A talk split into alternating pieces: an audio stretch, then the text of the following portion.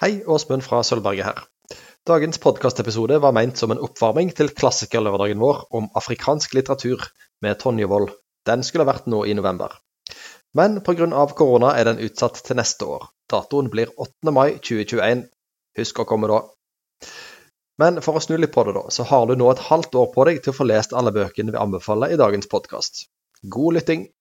Hvis det er sånn at alle norske skoleelever må lese et dukkehjem eller må innom Ibsen, så må alle nå generaliserer jeg. Eh, alle afrikanske skoleelever må lese Chinua Chebe.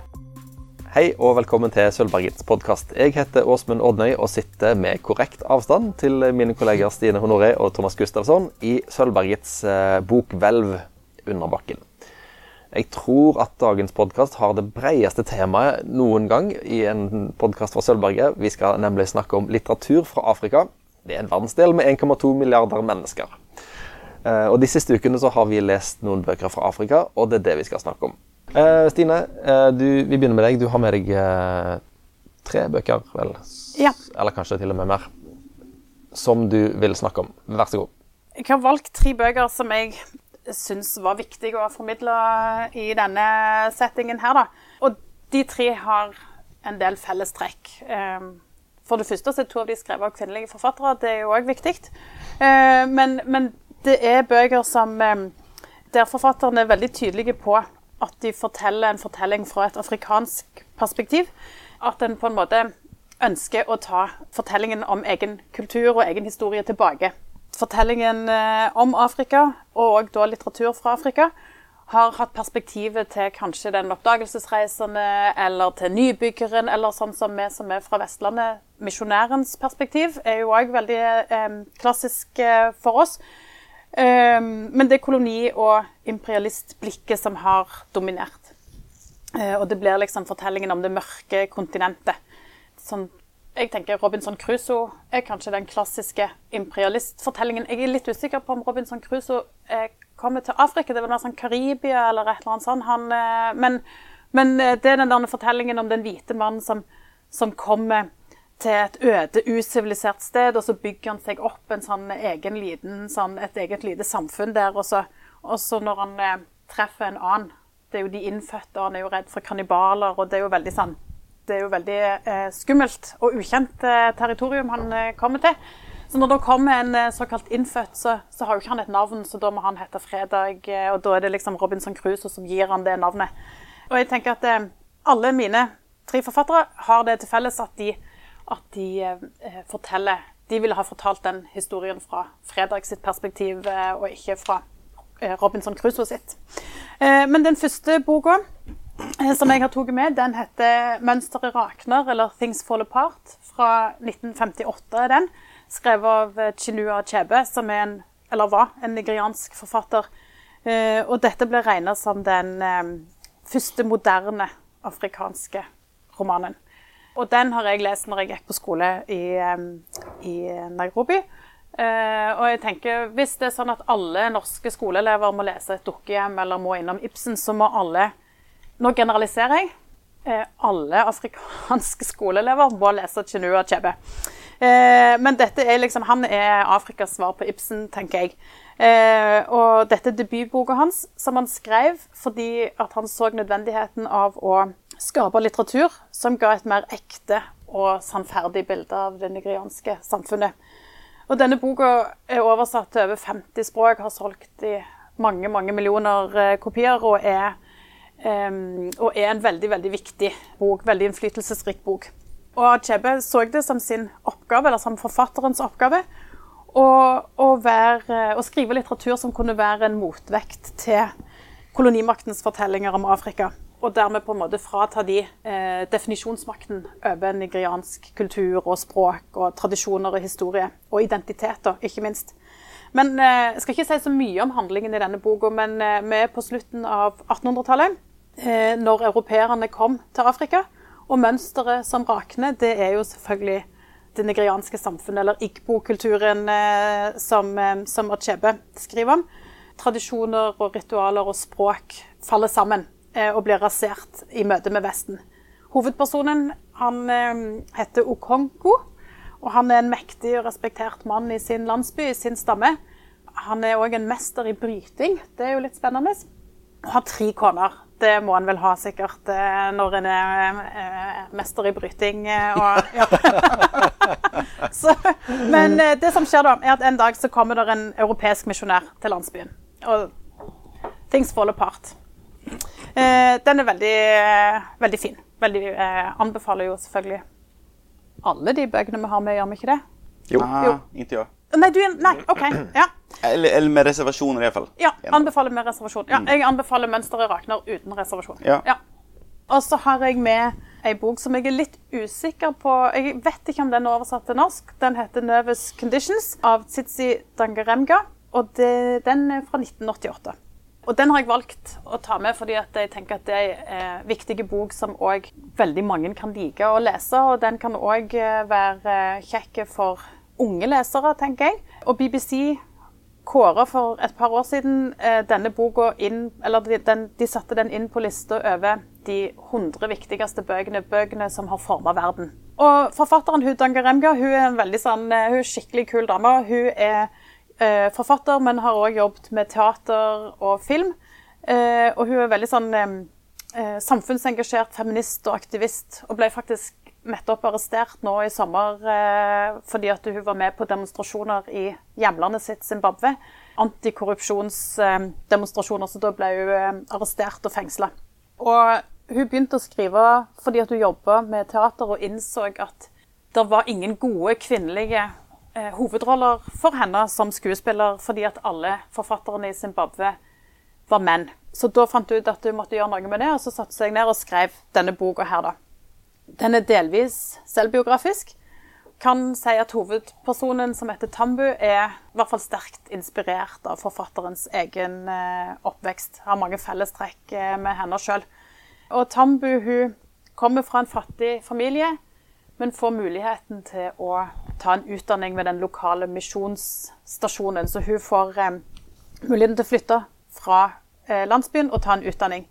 Og så handler boka om kulturkonflikten som oppstår da i møte med det vestlige utdanningssystemet, der hun blir dratt mellom ønsket Hun er veldig, veldig flink, eh, skoleflink. Dratt mellom ønsket om å fullføre denne utdannelsen og komme seg på universitet, øh, men òg ønsket om å holde fast på egen identitet og ikke, ikke gi slipp på, på sin egen identitet. Jeg tenker at dette er en sånn klassisk dannelsesroman, egentlig, der, eh, der det som står på spill, eller konflikten, er eh, kretser rundt kjønn og feminisme og identitet og kolonialisme. Selvfølgelig har jeg valgt kvinnelige forfattere eh, primært. Ja, jeg, jeg, jeg må med skam melde at jeg har tre mannlige. Men, Du har tre eh, mannlige, ja. Jag, Jeg har to kvinnelige og en mannlig. Ja, men da eh, er det, da er det ganske bra eh, samla her. Og så er det denne her, da. eh, Som heter 'Ut av mørket, skinnende lys'. Det er den siste boka mi. eh, Og den er gøy. Den er veldig, veldig gøy. Den er òg veldig ny. Den er fra 2019. Petina Gappa heter forfatteren. Og hun òg er fra Zimbabwe, sånn som Dangarenga. Og det Petina Gappa gjør i denne boka her, er at hun tar eh, en sånn klassisk europeisk heltehistorie, og så snur hun den på hodet. For vi kjenner jo fortellingen om dr. David Livingston, eh, den store europeiske helten og oppdagelsesreisende. Eh, han, han eh, døde i 1873 på ekspedisjon, der prosjektet var å finne Nilens kilde. Det var jo hans eh, store livsprosjekt, tror jeg, å finne Nilens kilde. Fortellingen om Livingston er jo, er jo en sånn eh, klassisk imperialistisk fortelling, tenker jeg. Både fordi at det, han er jo på jakt etter Han er jo i mørkets eh, hjerte. Han er liksom inne på, i det mørkeste, svarteste, ukjente Afrika. Han er europeisk oppdagelsesreisende som kommer for å liksom eh, legge det nye kontinentet for sine føtter. Det forfatteren her gjør, da, er at hun eh, har to fortellerstemmer eh, som eh, To i reisefølge til dr. Livingston. Eh, som, som forteller denne historien. eh, og det er en kokk som heter Halima. Og så er det Jacob Wainwright. Han er frigitt slave. Eh, og begge de to var i reisefølge til Livingston når han døde. Og når han dør, finner dette reisefølget ut De er jo mange hundre mennesker i dette reisefølget, men, men de finner ut at han må jo få en begravelse Han må begraves i hjemlandet sitt, så de skal frakte liket til England. Problemet er bare at de, det er 240 mil til kysten, og det tar 300 døgn å gå. For de er jo midt i. De er jo i liksom mørkets, det såkalte mørkets hjerte. Jeg merker jeg har ikke lyst til å tenke på hvordan den kroppen ser ut etter Nei, for det er det som er, ser 300 døgn i, i Ja, ja, nei, for det er veldig guffent. For det de gjør, da, er at de eh, Og da er det denne Jacob Wainwright, som er en eh, Altså, han var der, det er en, eh, en historisk person. De, de bestemmer at de skal De tar ut hjertet og innvollene, og så begraver de det i en sånn metallboks under det treet der eh, Livingston, eller der leiren var når, når han døde. Og så legger de liket til tørk i sola, eh, som en slags sånn eh, tørrfisk, eller eh, Ja. Og så venter de eh, til det er på en måte behandla eller tørka nok til at de kan eh, frakte det de 300 døgna det tar å, å komme seg til kysten og få det på et skip til England. Jeg, jeg leste, når jeg om det, jeg leste akkurat, eller for ikke så lenge siden en bok som heter 'Døden er et slit. Som handler om Syria, eh, der en eh, familiefar dør, og så vil han, hans siste ønske er at han skal bli De må jo òg Ja. De skal bli frakta, ikke så langt, egentlig, og det, det er jo dagens Syria med krig, så, men de hadde jo bil. Men det er så mye veisperrer hele vägen att til slutt så er det liksom et sånn opphovende ballongting i, i, bak i minibussen. Sånn. men det, dette er liksom for 150 år siden, så enda vanskeligere situation. de var ikke så eh, De var lurere, tror jeg, de her Ja. i Livingston sitt eh, følge. Eh, men, men denne fortellingen, eller henne Altså Gapper sitt, sitt sånn opp-ned-perspektiv på denne fortellingen er basert bl.a. på dagboksnotatene til han her Jacob Wainwright, den frigitte slaven. Eh, mens den fortellingen som vi kjenner, er jo basert på dr. Livingston sine brev og og dagboknotater. Så det er veldig kult. Eh, eh, og han, han fulgte Han var jo en sånn trofast, trofast tjener av, av Livingston, det var han jo. Så han, han fulgte liket til, til England og var, med, var en av kistebærerne når Livingston ble bisatt fra Westminster Abbey. Eh, og Livingston han var jo en sånn kjempestor helt i Victoria-tida. Og misjonær, oppdagelsesreisende, var på en måte med på å starte hele den eh, kampen om det afrikanske kontinent, som Europa jo førte på slutten av 1800-tallet og tidlig 1900-tall. Eh, så jeg syns det er veldig sånn fint grep denne forfatteren tar med å snu den fortellingen litt på hodet. Så den vil jeg absolutt anbefale. Er på norsk i flere utgaver på biblioteket. Thomas, du, Ja. det du har lest, er noe fellestrekk med de bøkene? Ja, absolut.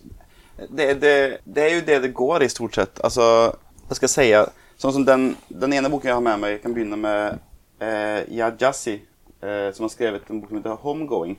Jeg er, sikker på, jeg, jeg er ganske sikker på at den fins på norsk, men jeg husker ikke hva den heter. Kan vi sjekke det på etter, i efterhand. Den begynner litt tidligere, den begynner på 1700-talet. Når eh, engelskmennene kommer till eh, vilket land var det nu igen? Finns så slit. De, för att de, de, det är Ghana. För att de kallar sig ju inte Ghana. De kallar sig ju, det är ju Asanti eller Ashanti. Så det, det står inte så mycket om Ghana i själva boken. Siden det, det, liksom, det är det blev en nation, det är mer eh, stora stam, stam eh, alltså eh, kedjor med stammar som hör samman då. Den, den, detta är en helt fantastisk bok syns jag. Eh, Den, den går över 300 år. Den begynner som på 1700-talet i, i Ghana. Og så får vi følge på en måte to halvsøstre, der den ene eh, gifter seg med den britiske guvernøren som, som er der. Og hennes halvsøster blir eh, solgt som slave. Og i det slottet som, som søsteren bor i, så ligger hun i kjelleren som slave og skal sendes til, til USA. da. Den heldige datteren, eller hun vet ikke om at det er slaver i kjelleren. Og hun lurer på hva det er for lyd som kommer. Og det er jo egentlig hennes søster og med, eh, med uh, ulykkelige folk. da. Så, så får vi følge de to familiene, på en måte. da. Uh, Den ene som blir igjen i Ghana, og den andre som, som eh, kommer til USA med, som bomullsplukker slave og kullgruver. Og så enda opp til egentlig Black Lives Matter. Opp helt til nå, da. Og så får vi følge den afrikanske delen i en kolonialisme og frigjøring og sånn. Og det Det, det høres litt sånn eh, med, Litt sånn Forest Gump-aktig ut. Er det sånn at, at, de, at de Ja, men når du sier at de, at de på en måte eh, de, Disse skjebnene tråkler seg gjennom eh, historie De representerer og havner borti ting som skjer gjennom historien, eller eh, Ja, ja, heller det- Eller har misforstått helt? Nei, nei, det er jo sant. Jeg, jeg mente ikke at det skulle være komisk og liksom, eh, Life is like a box of chocolate, men, Ja. men at de, de brukes som eh, på en måte markører da, for ting som skjer. Det kan man si. For det er også det her eh, Jim Crow med at eh, sørstatene kommer opp med at eh, eh, om du er en forrømt slave så kan de komme og hente deg, selv om du har kommet deg til Norge og USA. Eh, och det også skjer jo i denne boken då. Det, det er ikke en morsom bok, den er, den er ganske fæl å, å, lese, men som jeg sa, utrolig intressant. Jeg har, jeg har liksom blitt jeg har blitt veldig fascinert av liksom, afrikansk historie etter å ha lest de her bøkene. For det har vært Vi lærer jo så ikke om det i skolen. Uh, for nå er jeg jo gammel, da. Så, Men når jeg var, gikk i skolen, så fikk vi ikke lære oss mye. Fikk jo lære oss ur det hvite perspektivet, ikke noe annet perspektiv. Den er på en måte litt Den har jo litt sånn trekk av romantisk litteratur. Det er sånn, De to søstrene har hver sin stensmykke som de får videre generasjon for generasjon, og litt sånn, da.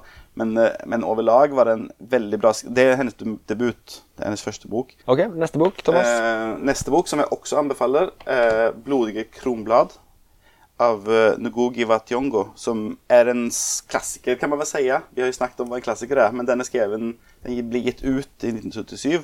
Eh, han begynte å skrive den i 1970, så er det 50 år siden. Og den utspiller seg i begynnelsen eller midten på 60-tallet, når Kenya har blitt fri. Og det, det handler om Det fins fire hovedpersoner, eh, og vi får følge eh, det, det har skjedd et drap på tre, tre mektige mennesker i Kenya. Og så får vi Boken handler om de forhørene som politiet har med de fire hovedpersonene. da. Og det er veldig sånn flashback-heavy. Altså vi, det, det er en del som er nutid, og det, det utspiller seg over ti dager. Og så er det flashbacks som går over tolv år. Så man får lære kjenne de personene som det handler om, og hvordan de kjenner drapsofrene. på en måte da. Så den er på en måte en, en spenningsroman, kan man si, men det er ikke det som er formålet med boken. Det er mer et sånt grep, tror jeg, for at eh, han skal holde på oppmerksomheten. Jeg tenker at litt kynisk sett så hadde det antageligvis vært en bedre bok om den hadde vært litt mindre politisk. Men det er fortsatt en veldig interessant og bra bok. og det handler, altså Hovedpersonen som, som den begynner med, er, Monira. Han, han le, eh, eh, lærere og kommer til en bitte liten landsby. Eh, men han har en ganske lang historie bak seg. Han kommer fra en rik familie og, har en fru og familie et sted. Men så liksom kommer han til en liten by og blir lærere der. Og så etter hvert så blir han glad i dem, og de blir glad i han. Og så får man lære å kjenne han nærmere. Og så en efter en så kommer de her fire hovedpersonene til den lille landsbyen.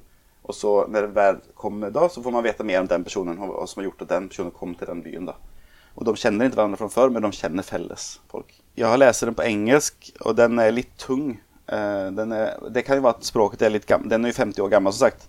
At den er litt tunglest, så det kan være at det er lettere på norsk. Jeg er ikke sikker på om den norske oversettelsen er bra, men de pleier jo å være ganske bra i, i nyere utgaver.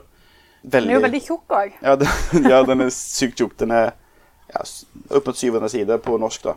En spennende blanding av spenningsroman og egentlig et politisk manifest om kolonialisme og, og Jeg vet som at min hjerne ikke funker i dag. Hva heter det? Kapitalisme og frigjøring. Gugi wa Tiongo er jo en av de virkelig store Ja. afrikanske forfatterne, nålevende forfatterne. Han er jo veldig gammel. eh, Han er jo alltid en sånn eh, ganske høyt opp på lista til Nobels litteraturpris. Eh, men han får han aldri. Men Mm. han burde helt sikkert Eller han burde få han. Han har jo, han har jo skrevet mye om, om sin egen ungdom og oppvekst i, i et land eh, som var i den frigjøringsprosessen. Og det er jo helt forferdelige ting eh, som, som skjedde i Kenya eh, når, eh, når det var opprør mot eh, det britiske styret. Det er jo helt grusomme historier. Som... Ja, det, det er litt lignende fortelling som i Homegoing, da. Det, men i Kenya var det verre. Mau Mau. Eh, De opprørerne heter. Thomas, du har med deg ei siste bok. Ja, er det? den, den er, inte- det er det her som jeg anbefaler med reservasjoner. da. Det er Min søster er seriemorder eh, av Oyinkan Braithwaite. Og det, det, grunnen til at jeg valgte boken, er at jeg hadde lyst til å ha en kontrast til alle de her tunge, viktige eh, politiske bøkene. Det her er motsatsen til det. liksom. Det er en underholdningsroman, en spenningsroman, uten noe som helst eh, egentlig det, Den vil bare fortelle din, den spennende fortellingen, da. Det er bare en spennende fortelling som tilfeldigvis foregår i Afrika. Ja. Eh, det handler om, om Det er skrevet perspektivet til hun som har en søster som er seriemorder. Og så plutselig får hun en telefon, så har hennes søster drept en kjæreste igjen. liksom. Så må hun komme og rydde opp etter henne. Dette høres ut som en komedie. Ja, den er får en, den måten du sier det på. Hun får en telefon, og har søstera drept en kjæreste igjen. Ja. Det, det høres ut som Men den er litt, den er lett, det er en lett, det er en underholdningsroman liksom. Det, det Ja. finnes ingenting mer enn det. Og jeg er litt overrasket over at den har fått så veldig god kritikk. Og jeg er litt redd liksom, for at det er bare fordi at den er fra Afrika, så må man si at den er bra. Men det er jo ikke sånn det, det skal være heller. Men det, det er helt, ja. Er det en ungdomsroman, eller er det Den er gitt ut som ungdomsroman. Men, men for meg så føltes det som at det kan godt være, være det. For Ja. litt eldre ungdommer, liksom. Inntil 12-åringer, liksom, men sånn 17-åringer eller noe sånt. Så det, den, den har jo ingen, ingen vekt, på man si. Men, men det er en helt OK spenningsroman om du liker det. Eh, Her må jeg bryte inn med et eh, filmtips eh, som jeg kom til å tenke på når jeg hørte den tittelen. En veldig bra komedie fra tidlig 90-tall som heter So I Married an Ex-Murderer. Den er veldig, veldig Den er bra, altså. Ja. Er den, men er den fortfarende bra? Myers, Ja, jeg. så han for to år siden. Det er døds- Ja. Mike Myers, som eh, tror han har gifta seg med en øksemorder. Den har ingenting med Afrika å gjøre, den har med USA å gjøre, men eh, Kan vi lage podkast om den òg? det syns jeg vi skal Da gjøre. må, jeg, men da, da må jeg se den, og så skal jeg være med. Altså. Den, er- den bør alle se hvis du har lyst til å le og lengte tilbake til det koselige 90-tallet. Før alt dette galne tok plass i verden vår. Men det, jeg hadde no, en ting som jeg husker på. Det som du sa med Du, altså Stine. Nå peker jeg på Stine. eh, Dette er ikke TV, Thomas. i- Forskjellen mellom våre bøker kanskje er sånn som den eh, Homegoing eh, Nei, snart blir det TV også.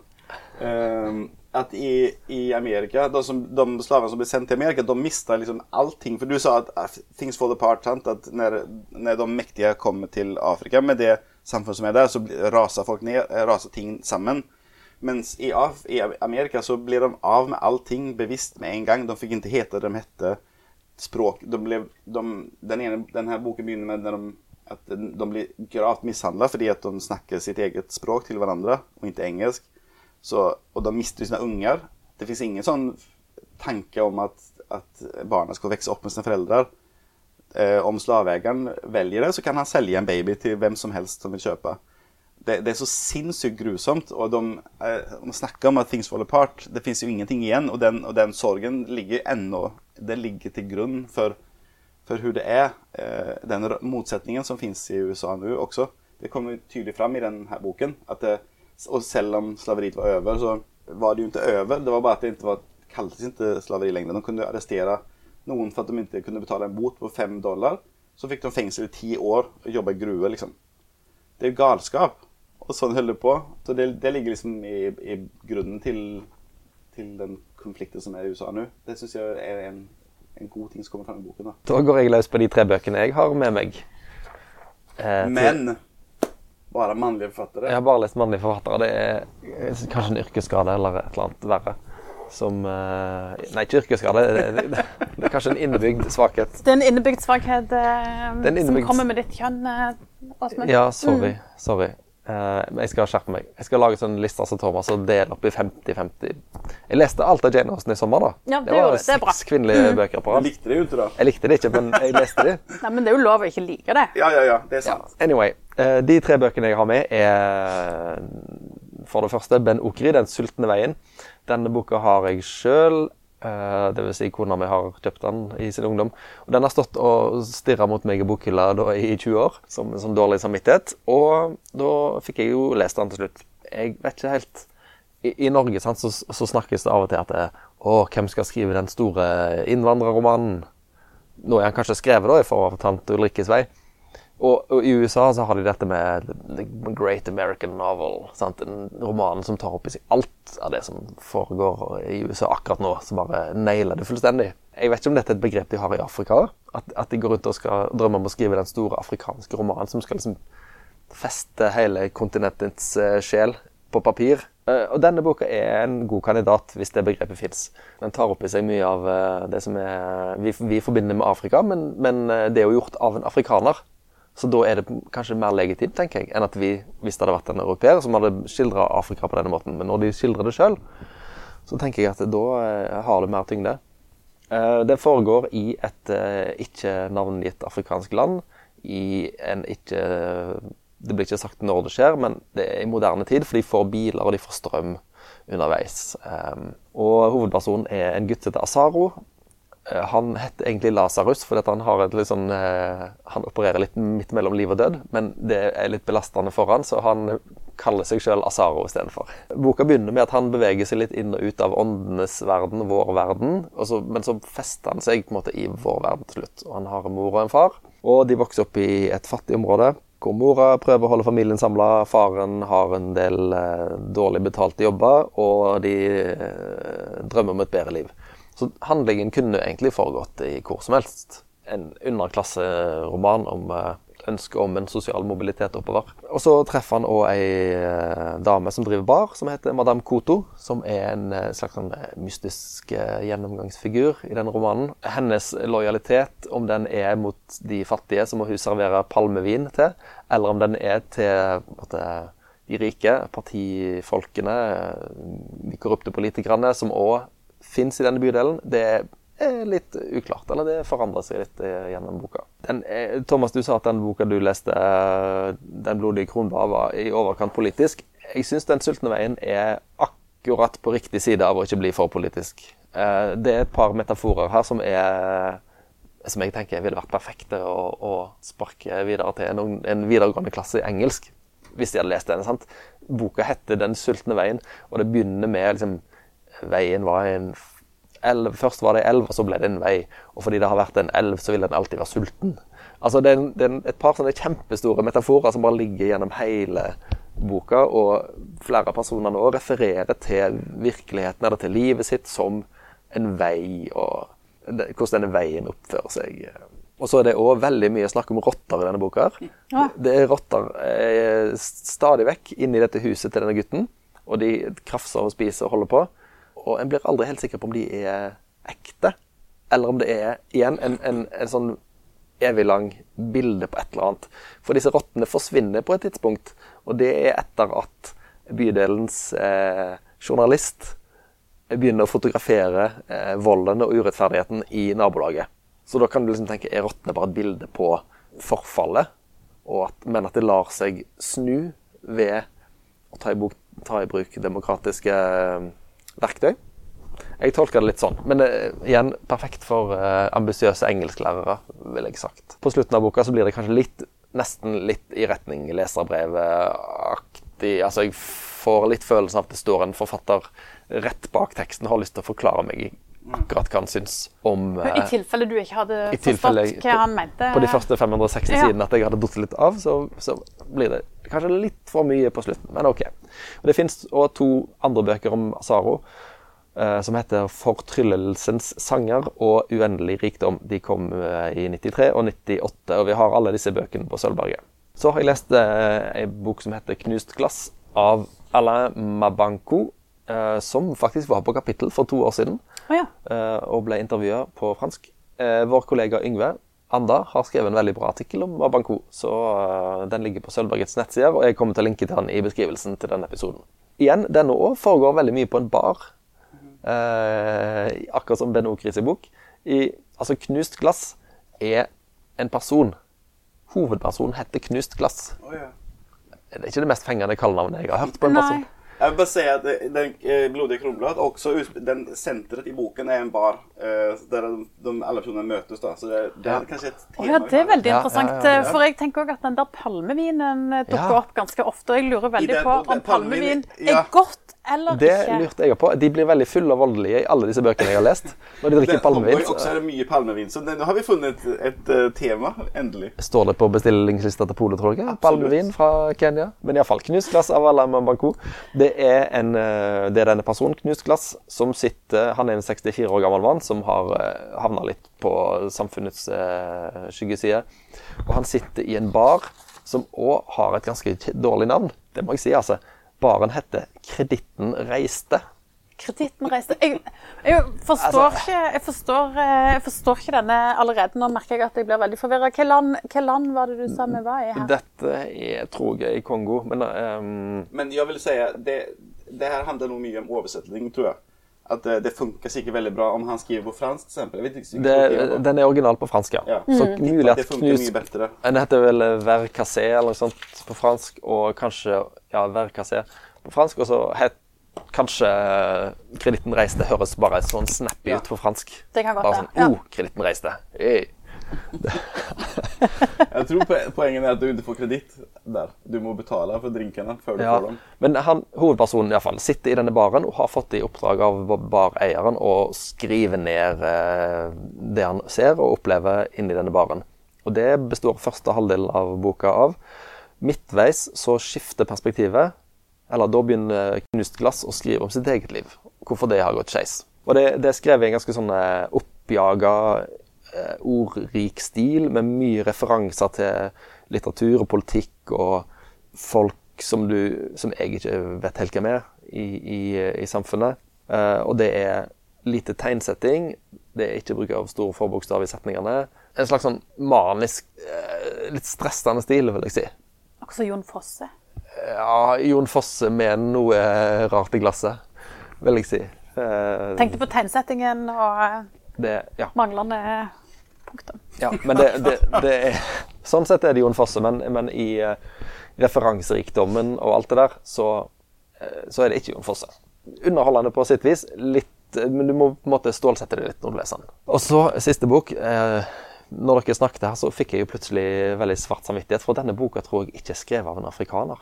Jeg tror han er skrevet av en portugiser. José Eduardo Agualusa har skrevet en bok som heter 'Allmenn teori om glemsel', som fikk masse skryt og nominasjoner til priser da han kom for et par år siden. Og den er veldig kul. Det handler da om eh, det, det, det, Jeg må bare si først, det er basert på en sann historie. Tro det eller ei. Det er jo da ei dame som er portugisisk, som eh, flytter til Angola, som var portugisisk koloni i 400 år. Flyttet til Angola på 1900-tallet, midt på 1900-tallet, og bor der nede når landet løsriver seg i 1975. Det hun da gjør, er at, at hun isolerer seg inne i leiligheten sin eh, i, eh, i denne byen i Angola. Og der bor hun i 28 år. Um, Det er karantene. det tenkte jeg, og dette er tidenes uh, Ikke les den i disse koronatider. Der sa vi det. i disse koronatider. Ikke les den da, for da tror jeg du kan bli litt sprø. Hun overlever da bl.a. Med, å- med å dyrke grønnsaker og sånt i vinduskarmen, og, og, og, og spise duer som du klarer å fange på terrassen. Og så brenner hun alt hun har i, i leiligheten for å holde varmen, og så har hun idet isolasjonen bryter ut, så har hun liksom tidenes koronalager med, med hermetikk og mel osv. 28 år. Ja. eh, Han forfatteren her han fikk tak i dagbøkene hennes og sånt fordi hun kom ut da i 2003. For det, det som skjer i 1975, er jo at Angola ble kasta inn i en borgerkrig. sant? En forferdelig blodig borgerkrig, sånn som de er i Afrika. Og for så vidt i hele verden. Og så braste det fra 75 til 2002. Og når den var slutt, så kom hun ut fra leiligheten sin. Så en kan, kan jo spørre seg hvordan eh, hun klarte å holde seg At du ikke ble på en måte fanga av uh, omstendighetene, da. Jeg Har veldig mange spørsmål uh, nå. Jeg tror jeg må, Ja. Den boka må jeg lese. Og så ja. Stine, dette pleier aldri å skje. Boktipsene mine pleier du å hate. Ja, jeg, jeg gjør det. Det er sant. Boka er skrevet i et veldig kort og enkelt, fint språk. Litt sånn puslespill. Uh, henger ikke helt sammen, men lettlest. Og du tenker må du levd i dag og, og liksom hørt på denne okkinga vår over karantenebestemmelsene. to uker i isolasjon. Jeg var 28 år jeg i leiligheten min Ja, i og med internett eh, og Netflix eh, og Ja. alt som vi jo faktisk har. 28 år i eget selskap. eh, Hva gjør hun liksom på dagene? Nei, hun skriver dagbøker, da. Og når hun går tom for ark, så, har, så begynner hun å skrive på veggene. Da skriver hun ned hele leiligheten sin. Det var veldig guffent. Jeg ser for meg en sånn skikkelig gal, gal kvinne som bare Ja. Det blir antyda i starten at du har en slags form for eh, hva heter det, agorafobi. Ja. Du er redd for store, åpne rom. og Det, det står i begynnelsen at når hun gikk til skolen da hun var liten, så gikk hun uansett vær med en svart paraply over seg. For hun syntes det var så skummelt å se opp på himmelen, for den var så stor. Så hun ville liksom ha, ha I need my space. ja. I Så omvendt betydning. Jeg trenger mitt lille rom. isolasjonen for henne var egentlig eh, Jeg tror det var rett person som havna Ja, i isolasjon.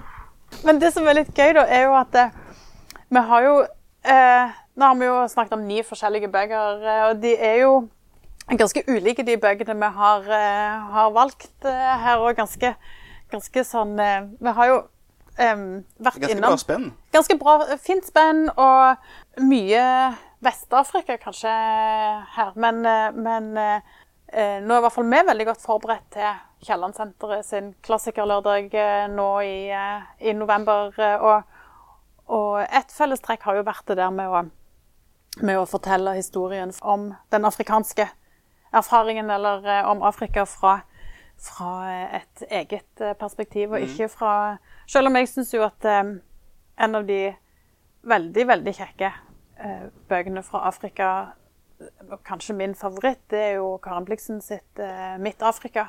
Ja, der har jeg noen eh, nå, nå rekker jeg to fingre i været for kommentar. Men eh, for jeg og Thomas har jo snakket med den før om eh, mitt Afrika før, i episode 163 i Sølvbergets podkastserie, hvis dere har lyst til å lete opp den. Jeg leste mitt eh, Afrika i fjor, for fjor. Ja. Og det var, det var guffent, altså. Herlighet i beskrivelsene du har av, av eh, sine arbeiderne sine, av, av afrikanerne. Det er jo helt De står seg ikke en plass. De gjør ikke det. Hun, altså Karen Bliksen um, i den Nå snakker jeg kun om, eh, om mitt Afrika, da. Det er jo klart at hun har jo ikke et politisk korrekt syn eh, på, på det landet og det folket som hun, eh, som hun møter når hun kommer til Kenya. Men, men uh, hun har jo et veldig imperialistisk blikk, og hun driver jo òg denne farmen eller kaffeplantasjen sin på, på jord som på ingen måte tilhører henne. Men, uh, men jeg syns eh, jeg syns jo likevel at den fortellingen er så fin. Og jeg, jeg eh, har vært mange ganger i, i huset til Karen Blixen, for det er museum. Det er kjempefint der. Eh, og så syns jeg den, den forferdelige kjærlighetshistorien eh, Først med den gufne mannen som hun er gift med, som bare gir henne syfilis og pengeproblemer, og så og så Det, det er det navnet på en engelsk bar. Ja. Syfilis og pengeproblemer. Ja. Og så han eh, eh, Dennis fidgetten eh, som hun elsker, som dør i den flyulykka. Jeg, eh, jeg tenker at det går, å, det går jo an å lese den eh, eh, hvis en klarer å se vekk fra det imperialistiske blikket, og de som, det klarer kanskje ikke du, Åsmund, men, men jeg tenker at det går jo også an å lese det som en, sånn, uh, som en tragisk eh, kjærlighetsfortelling. Det er kanskje en ting. Uh, eller òg å lese det som fortellingen om en veldig sterk og selvstendig kvinne, som, som jo driver denne plantasjen sjøl, og som ikke, som ikke får noe hjelp av han der ubrukelige baronen, eller hva det er hun, eh, hun gifter seg med. Eh, Så hun er jo, det er jo en veldig sånn sterk eh, feministisk fortelling, tenker jeg. Ja, ja, Hun, hun, hun er jo en, en sterk og selvstendig kvinne i en tid når, når det kanskje ikke var så mange som Mm. henne, da. Eh, men også er det jo òg Meryl Streep og, og Robert Redford i den filmen eh, som er så veldig, veldig fin. Mm. Eh, Hvis vi får mange nok eh, henvendelser om det, så skal vi lage en spesialepisode hvor Stine forteller om sin tid i Kenya under innspillingen av eh, Midt Afrika. Ja. For du bodde der nede, da? jeg sant? bodde der. eh, Meryl Streep var der. Robert Vi- Redford bodde i samme oppgang som Ja, nå må du ikke fortelle mer. Hvis vi får mange, nok- hvis vi får mange nok eh, likes og tomler og ville ønsker om det, Ja, så skal vi, stå for alle dem. så skal ja, vi lage en, en eh, spesialepisode. Jeg Dette kunne vært filmstjerne, tenker jeg. nettopp. Hvis jeg hadde bare vært litt Kanskje litt eldre og litt på rett plass. Ja. Kunne vært statist. Ja, ja, ja. Ja. Hvis ikke du hadde vært en sånn forsiktig eh, jærbu, men mer en sånn Hvis du hadde vært eh, amerikansk, Ja, ja. Hvis så jeg hadde du vært liksom bare Hello, I'm Steiny. I ja, want to be in your litt movie. mer eh. ambisiøs og litt Steiny. ja. Dessuten så gikk jo jeg på britisk internatskole og fikk ikke lov til å forlate skolens område, så jeg kunne jo ikke reise Jeg med tror Hvis du hadde vifta med en filmkontrakt, så tror jeg de hadde sluppet deg ut. Ja, det kan være. Nå sitter jeg bare og tenker på alle de eh, sjansene som glapp i livet. Ha det. Ha det. Ja, det